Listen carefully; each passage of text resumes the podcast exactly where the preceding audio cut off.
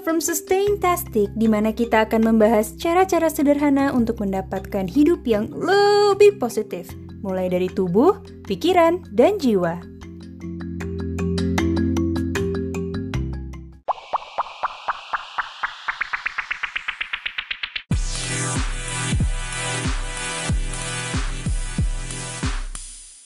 Hey hey, welcome back to Sustaintastic Podcast. Ya ampun, udah lama banget ya rasanya nggak bicara sama teman-teman di podcast. Terakhir tuh waktu Ramadan series, ya kan? Aku mohon maaf ya atas keterlambatan ini, karena ada satu dua hal baru di rumah yang membutuhkan perhatian aku gitu. Jadi harus ada proses penyesuaian lagi. Nah, but anyways, here I am, finally talking to you. Teman-teman pernah dengar hormon kan? Hormon pengertiannya itu ada banyak kalau misalnya teman-teman cari di internet. Tapi yang menurut aku paling mudah dimengerti adalah pengertian hormon yang uh, dituliskan oleh Klinik Avicenna.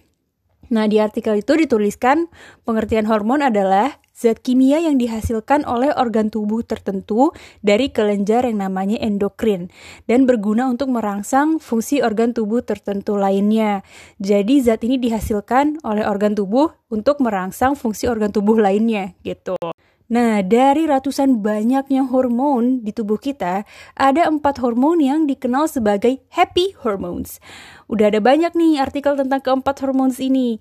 Tapi, episode kali ini aku sampaikan berdasarkan pemahaman aku dari blog langganan aku, yaitu Healthline. Nah, kita akan bahas gimana caranya meningkatkan aliran uh, si hormon-hormon happy ini biar bisa buat mood kita lebih baik lagi. Sebelum kita ke topiknya, kalau kamu merasa informasi yang aku sampaikan ini bermanfaat, screenshot episode ini dan bagikan ke sosial media kamu biar orang sekitar kamu juga bisa mendapatkan manfaat yang sama. Kalau kamu share di Instagram, tag aku ya, at anindish, A-N-I-N-D-Y-S-C-H. Pendengar podcastku ini adalah orang-orang yang senang memperbaiki diri. Dan aku senang banget nyapa pendengar podcastku di Instagram.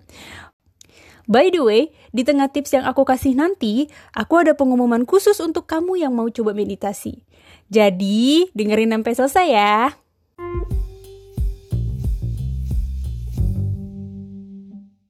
Ada empat hormon yang dikenal dengan happy hormones atau feel good hormones.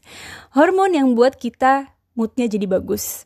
Nah, ini pengenalan singkatnya aja ya, karena dari sini kita akan bahas tentang beberapa natural mood booster atau cara-cara sederhana yang bisa meningkatkan uh, si hormon-hormon happy ini di tubuh kita sehingga kita bisa jadi naturally lebih happy gitu. Dari keempat nama ini, kita mulai dari yang paling familiar dan sering didengar dulu. Oke, hormon apa itu namanya? Ayo, hormon pengurang rasa sakit alias endorfin. Endorfin ini dikenal sebagai natural painkiller untuk mengurangi rasa-rasa kurang nyaman yang kita rasa. Yang kedua, namanya hormon dopamin.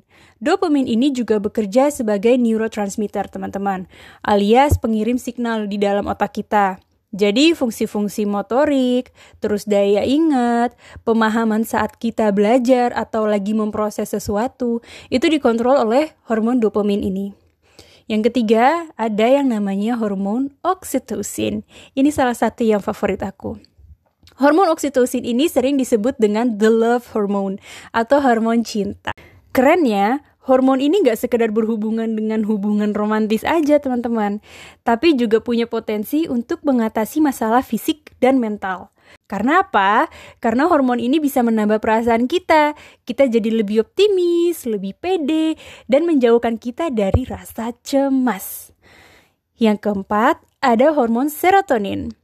Hormon ini juga berperan sebagai neurotransmitter, sama dengan yang sebelumnya kita sebutkan, alias pengirim signal antar jaringan saraf gitu.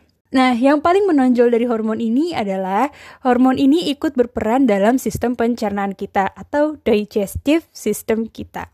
Efek lainnya yang menonjol dari hormon serotonin ini adalah hormon ini banyak ikut peran dalam sistem pencernaan kita atau digestion system kita.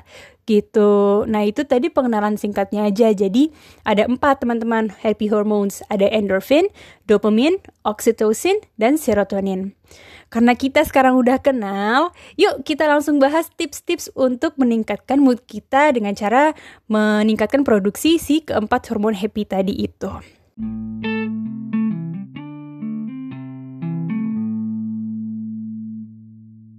Yang pertama, get outside.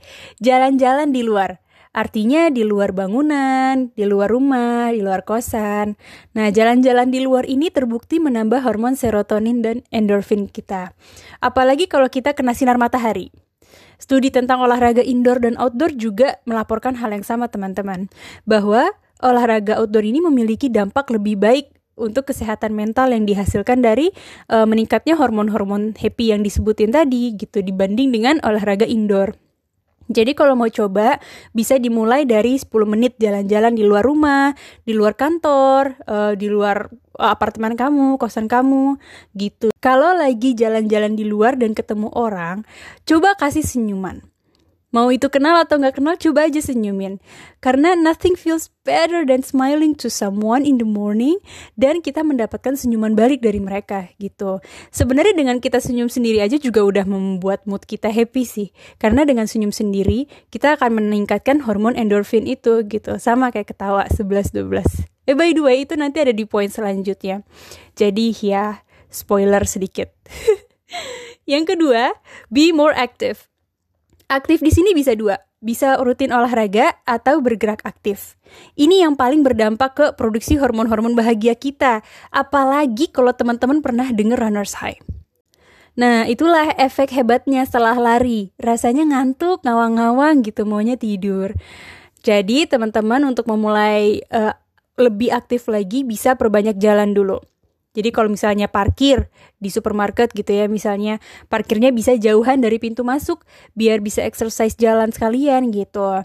Nah, kalau misalnya teman-teman lagi di gedung, kalau lantainya nggak tinggi-tinggi amat, teman-teman bisa naik turun melalui tangga gitu, instead of taking lift. Nah, jadi be more active ini nggak nggak harus olahraga aja teman-teman gitu. Bisa juga kayak jalan, jalannya diperbanyak dalam satu hari itu. Terus mungkin naik tangganya juga. Kan kita kadang suka perhitungan yang naik turun tangga kayak disuruh ngambil barang ke atas males gitu.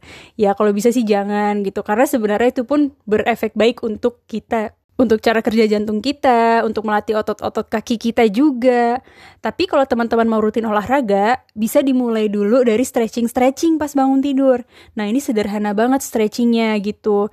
Contohnya bisa hamstring stretches, side lunges, tapi gerak-gerak gitu loh. Jadi dinamis, nggak statis gitu. Bisa menambah fleksibilitas kita.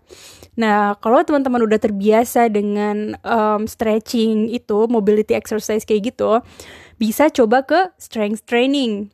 Gitu latihan kekuatan kayak plank contohnya salah satunya gitu ya burpees. Nah mulai dari yang termudah dulu. Kunci dari setiap perubahan adalah mulai dari yang termudah. Yang paling bisa kita lakukan. Dari situ baru kita bisa build up intensitasnya gitu. Yang ketiga ketawa.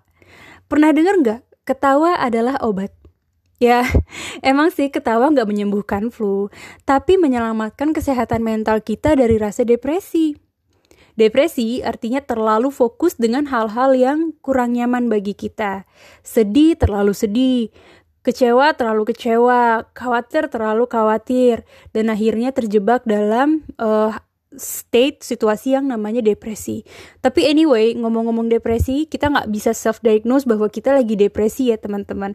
Karena depresi itu bisa didiagnosa oleh profesional gitu. Kadang kan orang ada yang bilang, aku depresi, terus aku ibadah aja, terus aku udah enakan sekarang gitu. Ya mungkin uh, depresi yang kamu rasain itu sebenarnya bukan depresi gitu makanya bisa sembuh e, dengan sendirinya karena sebenarnya depresi itu adalah hal yang lebih kompleks lagi lebih dalam dan lebih menyakitkan kalau kata do dokter Jimmy Erdian gitu jadi e, sebaiknya kalau misalnya ada mulai merasakan gangguan e, mental gangguan pikiran itu sebaiknya sih dikomunikasikan ke profesional apalagi sudah lama ya udah kayak dua minggu lebih gitu misalnya jadi itu salah satu pesan untuk tidak self-diagnose.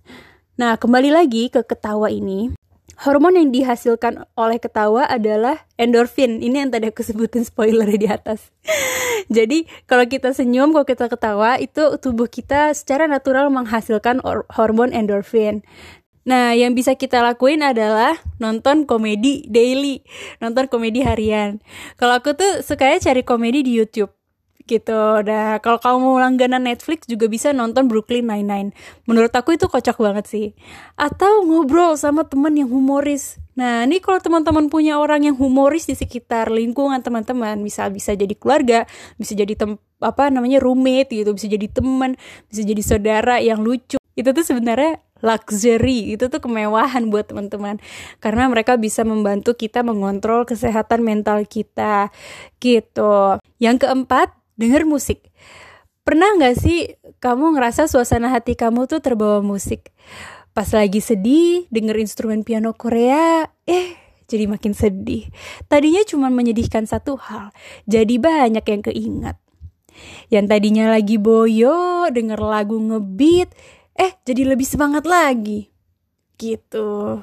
Yep, it's all natural and it is the effect of dopamine. Jadi bisa coba style musik yang membuat kamu ngerasa lebih baik lagi biar mood kamu bisa ikut menjadi lebih baik. Yang kelima, meditasi. Aku nggak bisa menekankan lagi dahsyatnya meditasi ini. Meditasi itu sebetulnya menyadari nafas, udah gitu aja gitu. Karena kalau kita bisa menyadari hal terhalus, terotomatis yang ada di alam bawah sadar kita, yaitu nafas kita, kita akan lebih sadar lagi dengan hal-hal lain yang terjadi di sekitar kita dan bisa kita kontrol. Dan fokus kita ini bisa terpusat pada objek, jadi nggak melulu subjek. Kadang kita terlalu fokus ke perasaan sendiri, ya kan? Kebaperan, merenungi nasib. Nah, ini kan yang membuat kita jadi terlampau sedih, terlampau cemas, terlampau khawatir, takut, dan lain-lain. Dengan meditasi ini, kita bisa menyeimbangkan fokus ke objek dan subjek. Jadi bisa perhatiin, apa aja yang seliweran di kepala kita, apa aja yang seliweran di pikiran kita. Notice dan beri nama. Gak perlu dihakimi atau dicari solusinya. Cukup, oh aku merasa sedih karena bla bla bla. Aku merasa bangga karena bla bla bla kita jadi bisa sortir juga mana hal yang penting kita tuntaskan sampai dapet solusinya, mana yang perlu kita ikhlaskan, relakan, biarkan dia pergi. Gitu. Hormon yang aktif terproduksi selama kegiatan meditasi ini adalah hormon endorfin dan dopamine. Meditasi bukanlah hal yang mudah. Karena itu, Relief, startup kesehatan mental pertama di Indonesia membuat fitur Hening yaitu meditasi bimbingan yang tersedia lebih dari 500 topik. Seri motivasi pagi favoritku adalah meditasi untuk percaya diri dan meditasi produktivitas sehat. Tapi selain itu ada juga meditasi untuk stres dan kecemasan, meditasi tidur, dan meditasi darurat untuk situasi seperti panik, burnout, dan hilang kesabaran kamu bisa unlock ke seluruh topik meditasinya dengan akses premium yang harganya terjangkau.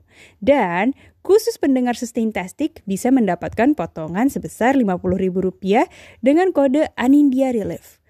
Kodenya A N I N D Y A R I L I V. Dengan kode Anindya Relief, kamu bisa mendapatkan potongan sebesar Rp50.000 untuk akses premium selama satu tahun.